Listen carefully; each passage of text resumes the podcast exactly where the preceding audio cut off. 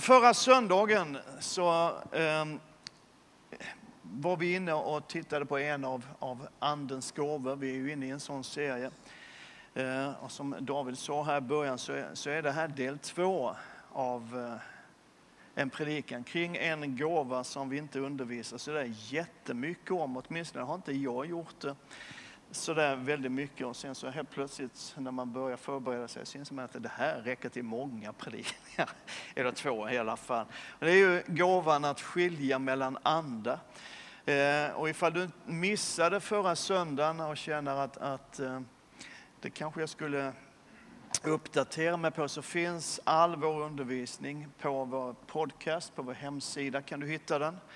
Eh, det är praktiskt ordnat så att det finns en, en liten knapp eller länk man kan trycka på där det står podcast. Visst är det smart? Eh, och så där. Sen finns det på Spotify också. Om du går in på Spotify och söker på ena kyrkan så hittar du all vår undervisning där också. Men eh, vi ska fortsätta att tala om den här gåvan idag och jag ska ge dig en liten kort eh, resumé vad, vad det vi sa. Vi sa förra söndagen att det här är en gåva som bland annat då avslöjar mörkret och som exponerar demonisk aktivitet och skumma motiv och, och så här liksom avslöjar mörkret är en bra definition. Så. Men vi såg också att den här gåvan är bredare än så, den har ett större spann än så. Det är inte en gåva som bara säger att dit ska du inte gå, utan det är också en gåva som säger men gå dit istället. Alltså som, som avslöjar mörkret men också pekar på ljuset. Eh, så den är till för att avslöja mörkret och ondskan. Men en, en bra definition som liksom täcker lite mer av bredden i den, det är att den här gåvan handlar om gudomlig uppenbarelse om vad som är rätt och vad som är fel. Vad som är sant, vad som är falskt, vad som är rent, vad som är orent, vad som är gott och vad som är ont. Och vi sa också, det, jag tycker det är lite viktigt att lägga in det, så jag påminner om det också, att det inte handlar om, om liksom en sorts allmän misstroinställning. En del människor går ju igenom hela livet och misstror allt och alla. Det är antagligen inte gåvan att skilja mellan Eh, andar, utan det är helt enkelt bara att du är lite kritisk. Eh, och så. Det är inte en, en gåva av misstänksamhet eller en gåva av negativism eller en gåva av allmänt ifrågasättande, utan det handlar om att Guds ande vill leda oss rätt. Amen. Och så sa vi också, illustrerat av denna maffiga Marshall Stack, att de andliga gåvorna, nådegåvorna, fungerar liksom som en förstärkning av någonting som åtminstone i viss mån redan finns hos alla troende. Alltså varje troende kan åtminstone för det mesta och i någon mån skilja mellan gott och ont. Eh, varje troende kan förmedla någonting som ett bibelord, en hälsning ifrån Gud till någon annan utan att man för den skulle liksom kalla sig för profet eller kanske ens tycker sig ha profetians nådegåva. Alltså det finns ju någonting där hos var och en. Men den heliga Ande genom gåvorna lägger liksom till en dimension eller ökar intensiteten, höjer träffsäkerheten till någonting som redan finns där hos många av oss, eller egentligen hos alla som tror. Och vi sa att gåvan att skilja mellan andar då i viss mån finns hos alla troende. Förmågan att inse och förstå vad som är rätt och vad som är fel, den finns nedlagd i oss. Den finns nedlagd i dig eh, och tar sig uttryck bland annat genom ditt samvete. Så jag höll på att säga, i värsta fall så vet man efteråt att man gjorde något som var fel. Eller hur? Alltså det finns ju där hos oss.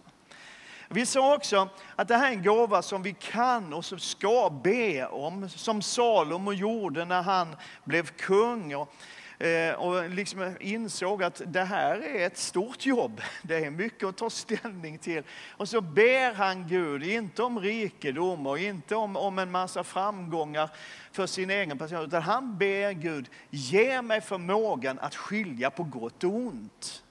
Och det står också att Gud gillade att han bad på det sättet. Så bara, Gud säger till honom, bara för, att du, bara för att du gjorde mig så glad när du bad på det sättet, så får du lite rikedom och lite framgång och sånt också. Det var bra. Men det är liksom grejen, gåvan, ge mig gåvan att skilja mellan gott och ont. Och vi sa också att det är en gåva som vi kan växa i. Hebreerbrevet talar om att vi genom övning kan få våra sinnen skärpta till att skilja mellan gott och ont. Och den övningen handlar om att fylla dig med Guds ord. För det är Guds ord som är grunden för vad som är rätt och fel. Fyll dig med Guds ord och sök hans vilja i bön så är du en bra bit på väg i funktionen att skilja mellan gott och ont. Men sen är det här också en gåva av uppenbarelse i vissa situationer. Liksom när det som vi kan lära oss, för det finns ju grejer vi kan lära oss, eh, när det vi kan förstå och räkna ut och komma fram till på olika sätt, när det helt enkelt inte riktigt räcker till, så kan Gud genom uppenbarelse, gåvan att skilja mellan rätt och fel, leda oss rätt. Och det finns en, en rätt spännande och intressant jämförelse som man kan göra mellan två personer i Nya Testamentet som på sätt och vis var i samma situation, i samma läge. Och utmaningen som de här båda stod inför det var att förstå vem Jesus är. Hänger du med nu? Den ena är Johannes döparen. Och Johannes döparen, han hade ju varit så säker på vem Jesus är. Han pekade ut Jesus inför massor av människor och sa, där är Guds lam som tar bort världens synd. Och sen vet du som har läst din bibel att, att efter ett tag så blir Johannes döparen fängslad. Och det verkar som när han sitter där i sin ensamhet så kommer tvivlen, så kommer frågorna. Och så, så börjar han grubbla. Och han skickar några av sina vänner till Jesus för att fråga Jesus, är du den som vi väntar på? Är du verkligen Messias? Och Jesus svarar så här. Gå och berätta för Johannes vad ni sett och hört. Att blinda ser och lama går, att speten ska bli rena, döva hör, döda uppstå och fattiga får höra glädjens budskap. Så vad är det Jesus säger till Johannes genom hans vänner? Jo, han säger alltså utifrån det som syns och hörs. Det du kan se, det du får höra, det folk berättar för dig. Jämför det Johannes med det du vet vad skrifterna säger om Messias. Alltså använd lite grann tankarbete. Det är faktiskt det Jesus säger till Johannes. Använd tankarbete nu här. Det här är vad som händer och det här är vad som står i gamla testamentet, den bibel som de hade, skulle hända.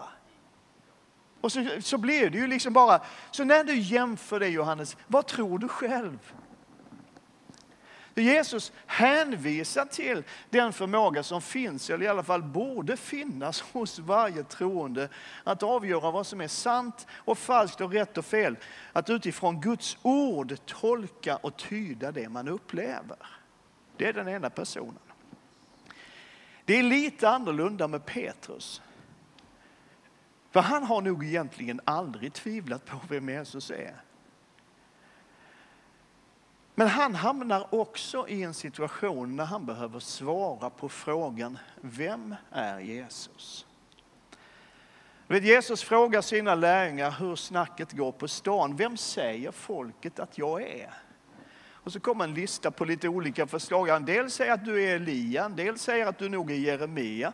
Någon annan av profeterna kanske. Det finns de som säger att du är Johannes döparen, alltså han skulle vara sin egen släkting. Det är lite svårt att vara sin egen släkting, men i alla fall. Och så frågar Jesus, när, när de liksom är klara med den här listan, vad folket på stan säger. Så säger, frågar Jesus, och vem säger ni att jag är?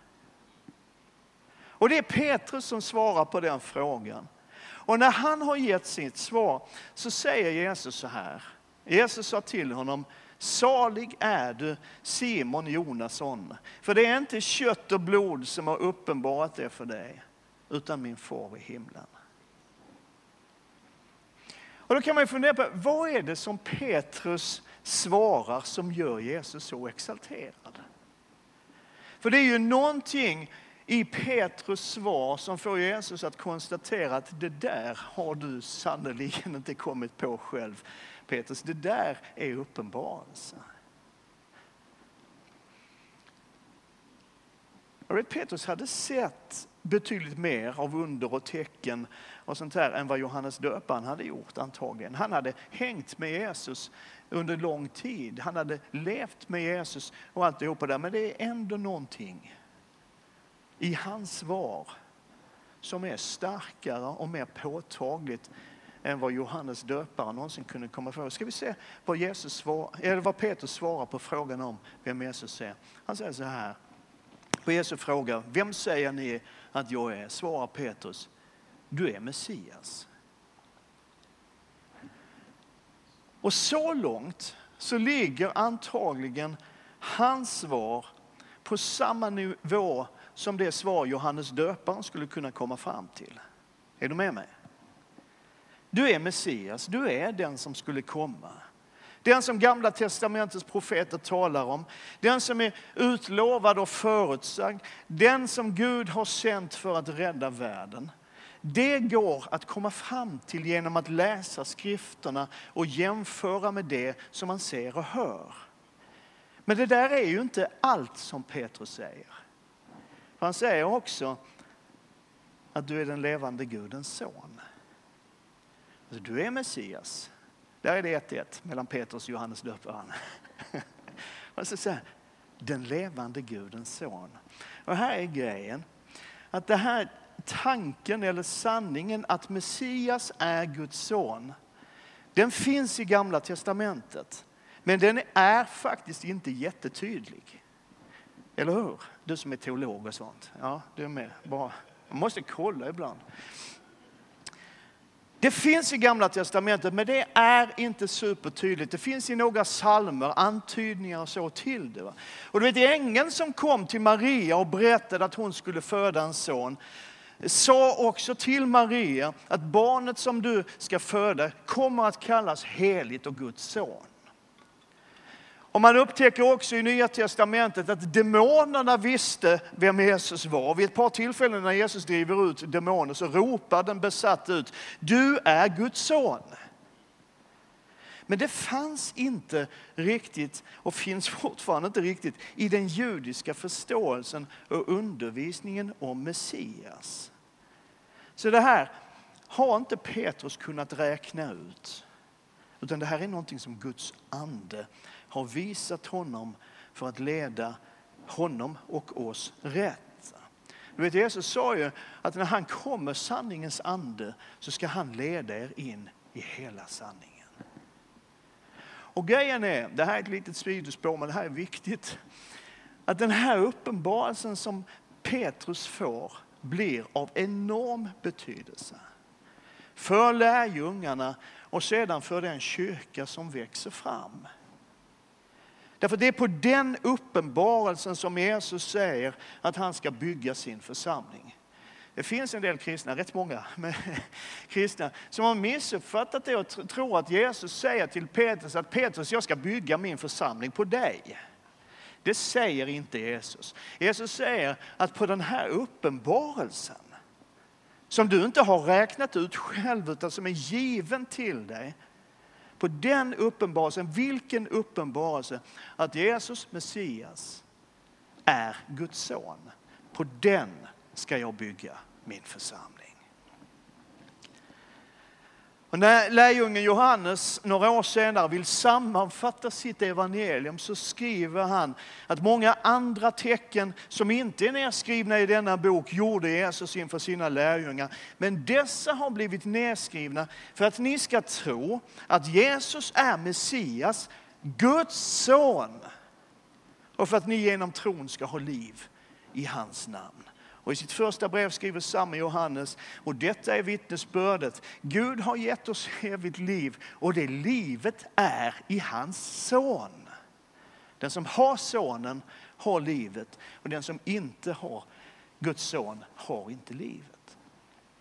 Så Petrus uppenbarelse, när anden visar honom sanningen, blir av yttersta vikt för hela kyrkan. Han som skulle komma, Messias, är Guds egen son.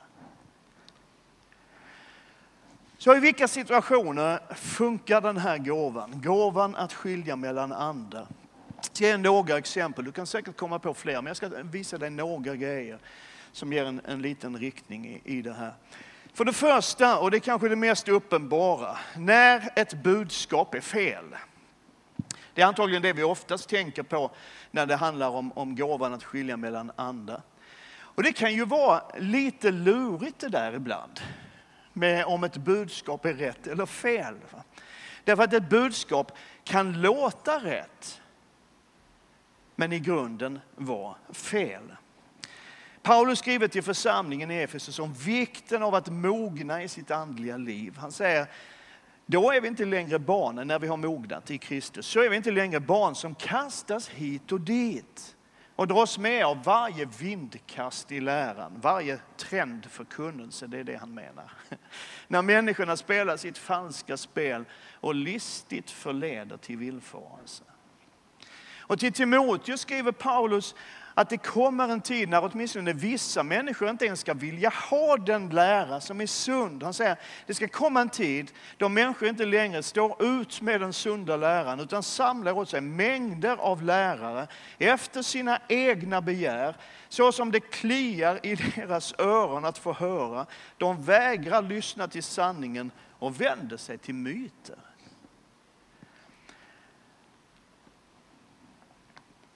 Och då vill jag säga så här, hur, hur gör man då? Ja, för det första, pröva all undervisning. All undervisning du tar emot, pröva den. Också den, jag säger det här, det här ska jag säga så tydligt jag bara kan. Pröva också den undervisning du får här i ena kyrkan. Jag är relativt Jag är relativt övertygad om att ingen av oss som undervisar någorlunda regelbundet i Henakyrkan är falska profeter. Men vet du, vi kan ta fel. Faktiskt. Ja, det är bra. Det får man gärna ha. Jag är så tacksam för det. Men pröva all undervisning. Svälj inte allt vad du hör och tro inte allt du tänker.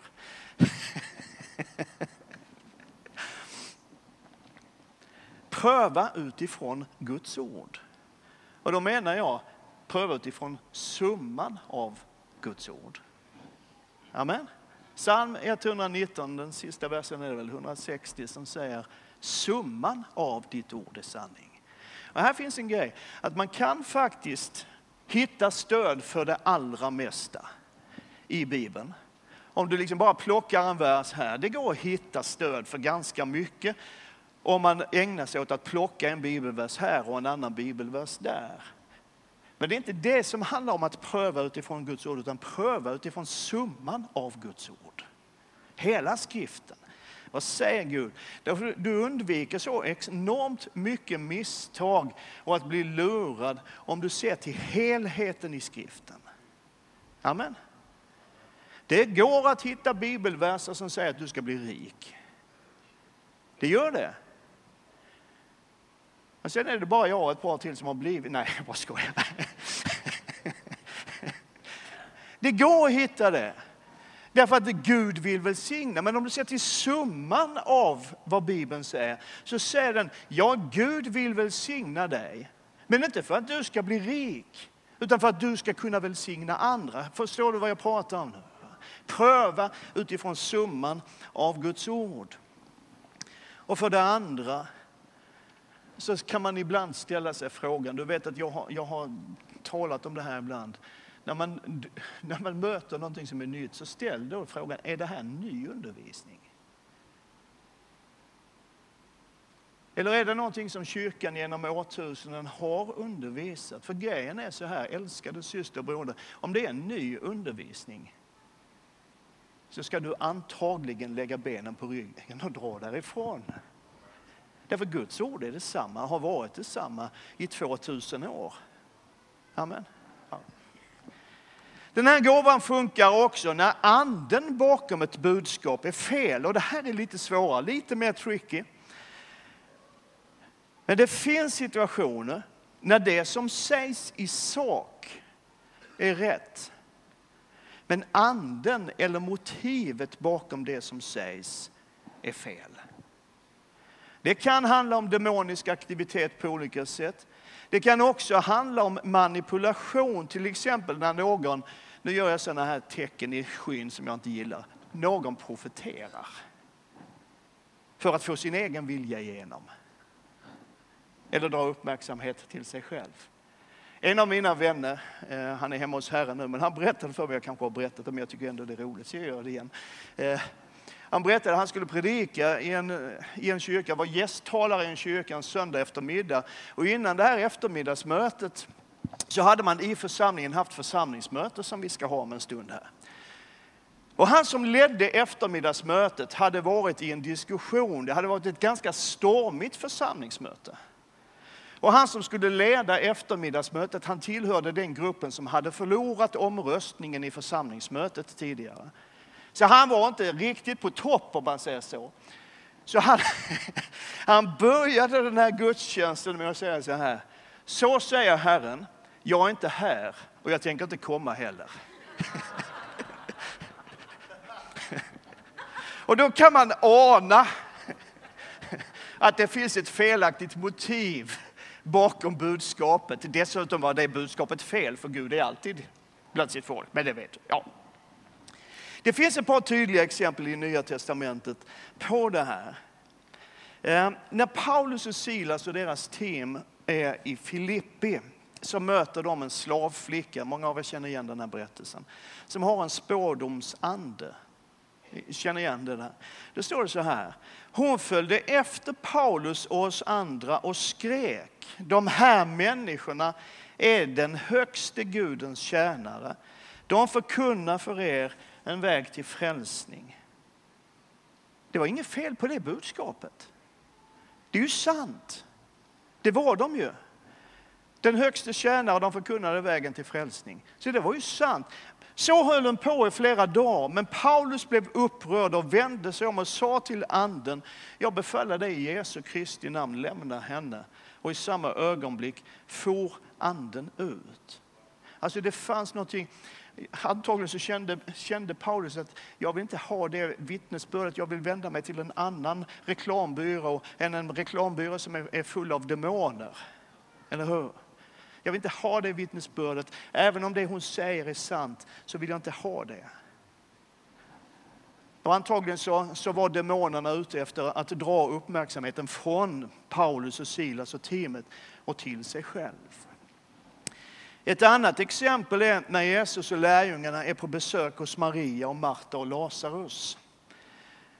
Och Maria tar en flaska dyrbar, står det, nardusolja och smörjer Jesu fötter eh, torkar dem med sitt hår. Och Judas verkar reagera på slöseriet. Så han säger så här, varför sålde man inte den oljan för 300 denarer och gav till de fattiga?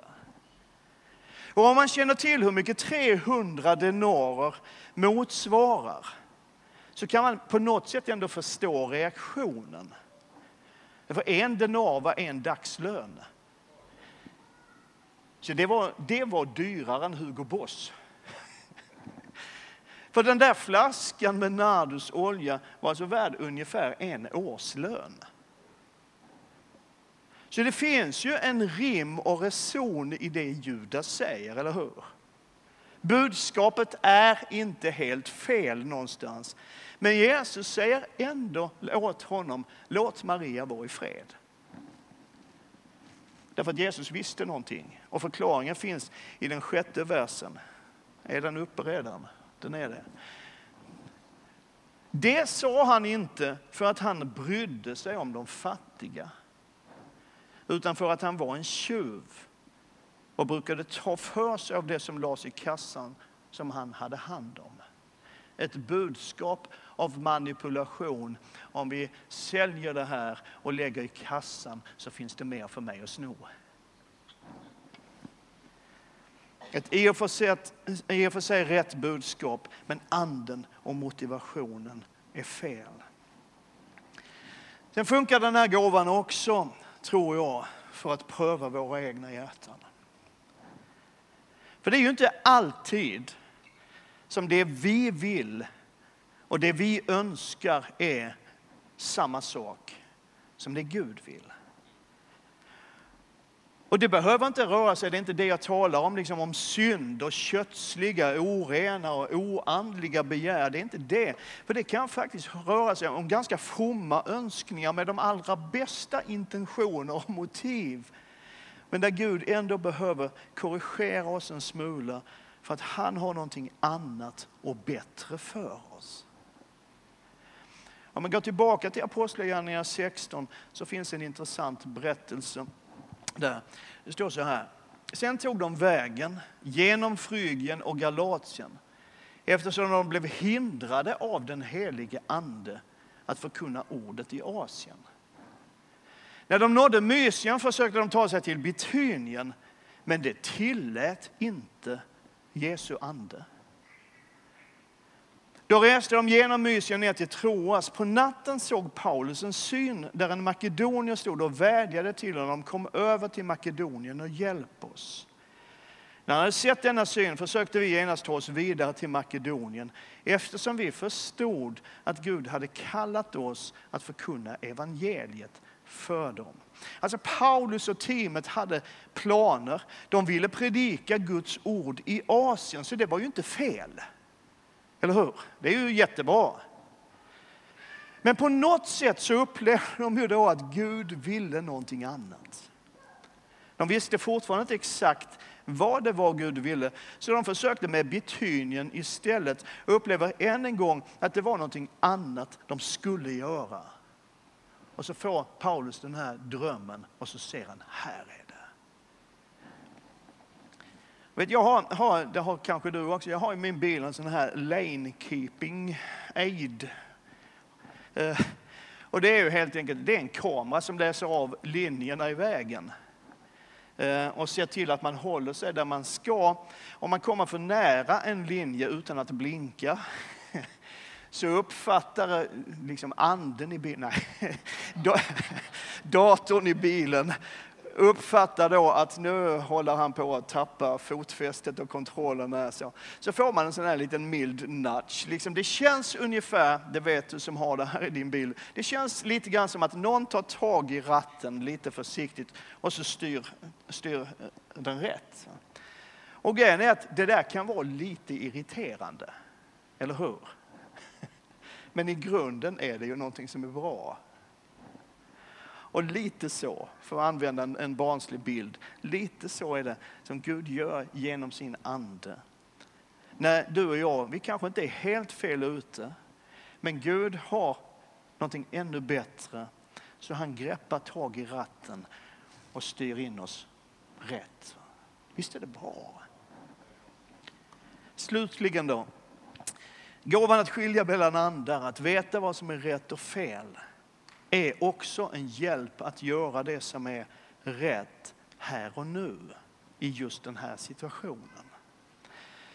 Ännu ett exempel från Apostlagärningarna 16. Det är ett fantastiskt kapitel. Läs det när du kommer hem. Det är, det är hur mycket som helst i det kapitlet.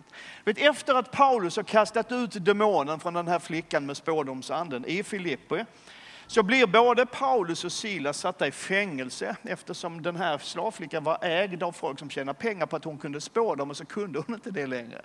Då blev de lite tjuriga, så de satte Paulus och Silas i fängelse. Och du kanske känner igen den här berättelsen.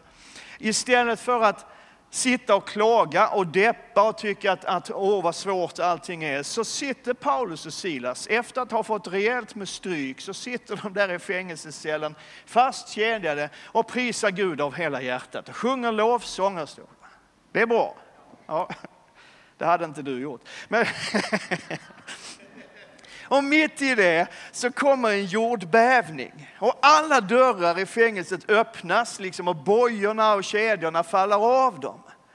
Och när fångvaktaren som har hand om dem den natten, när han upptäcker vad som har hänt, att jordbävningen har öppnat alla dörrar och det ligger kedjor på golvet, så, så tror han naturligtvis att fångarna har rymt. För det hade jag gjort. Och han är så förtvivlad, för han är ju ansvarig inför sina överordnade, så han är så förtvivlad så han tänker ta sitt liv. Och precis när han är i stånd att ta sitt liv så ropar Paulus till honom, gör dig inte illa, vi är alla här. Och jag vet ju inte hur du hade reagerat om du var fängslad för din tros skull. Och liksom Gud kommer och skakar hela fängelset eh, så att, att plötsligt så är vägen fri ut. Liksom, jag hade dragit. Och det hade nog du också. För grejen är att det här liknande saker hade ju hänt tidigare. Att kristna hade hamnat i fängelse och på ett övernaturligt sätt hade kunnat ta sig ut därifrån som Petrus och apostlarna i Apostlagärningarna 5, eller Petrus igen i Apostlagärningarna 12. Det här var ju grejer som Paulus naturligtvis visste om. Alltså här har Gud gjort förut.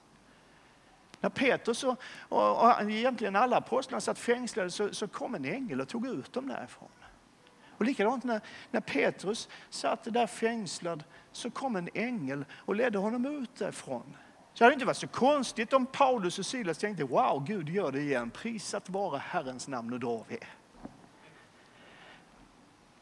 Men det var någonting, och jag älskar det här, det var ju någonting som fick Paulus och Silas att stanna kvar i fängelset. Även om de hade kunnat fly. Och grejen är, att det faktum att de stannade kvar ledde till att de fick föra den här fångvaktaren och hela hans familj till tro på Jesus som den tredje personen och plus några till då, som lades till församlingen i Filippi. Amen. Ska vi be lovsångarna komma upp? Nu ska jag avsluta det här. Sammanfattningsvis, hur funkar gåvan att skilja mellan andra? Ja, den fungerar när budskapet är fel. När det som sägs inte stämmer med Guds ord. Och den funkar när anden bakom någonting som sker eller sägs är fel, när det finns felaktiga motiv och manipulation. Hur upplever man det? Ja, men det kan nog vara lite olika. Men jag vet att ganska många, jag själv inkluderad, ibland man kan känna i ett sammanhang, i en situation, till och med ibland när man lyssnar på någon som, som talar vad som ska vara Guds ord, så kan man känna ett obehag, en olust, en, en känsla av att det är någonting som inte stämmer. Och inte ta det på allvar. Det behöver inte betyda att du reser dig upp och säger att du är en falsk profet. Det är lite osmart tror jag. Men du kan börja be inom dig. Be om beskydd för dig själv och be om beskydd för de som är med och lyssnar till det. Men ta, ta det på allvar när, när liksom anden i dig väcker den där känslan av att här är någonting som inte stämmer. Inte i misstänksamhet, utan i kärlek och i den helige Ande. Den här gåvan funkar för att skilja mellan vad som är min önskan och mina planer och vad som är Guds vilja. Och det handlar ju alltid om, älskade syster och bror, att Gud har en bättre plan än din. Det finns inte ett enda exempel i Nya Testamentet eller egentligen i någon människas liv där Guds plan har varit sämre än den egna planen. Amen. Så när den helige Ande stoppar dig när du är på väg in i någonting som du tycker det här är ju jättebra och du upplever att den, den helige Ande stoppar dig det. Var tacksam och glad för det som kommer är bättre. Och den här gåvan fungerar för att hjälpa oss att göra det som är rätt här och nu. Så sök gåvan att skilja mellan andra. Sök gåvan och förmågan att kunna avgöra vad som är gott och vad som är ont, vad som är rätt och fel. Därför du behöver den. Och Guds församling behöver den. Och allt folket sa. Amen.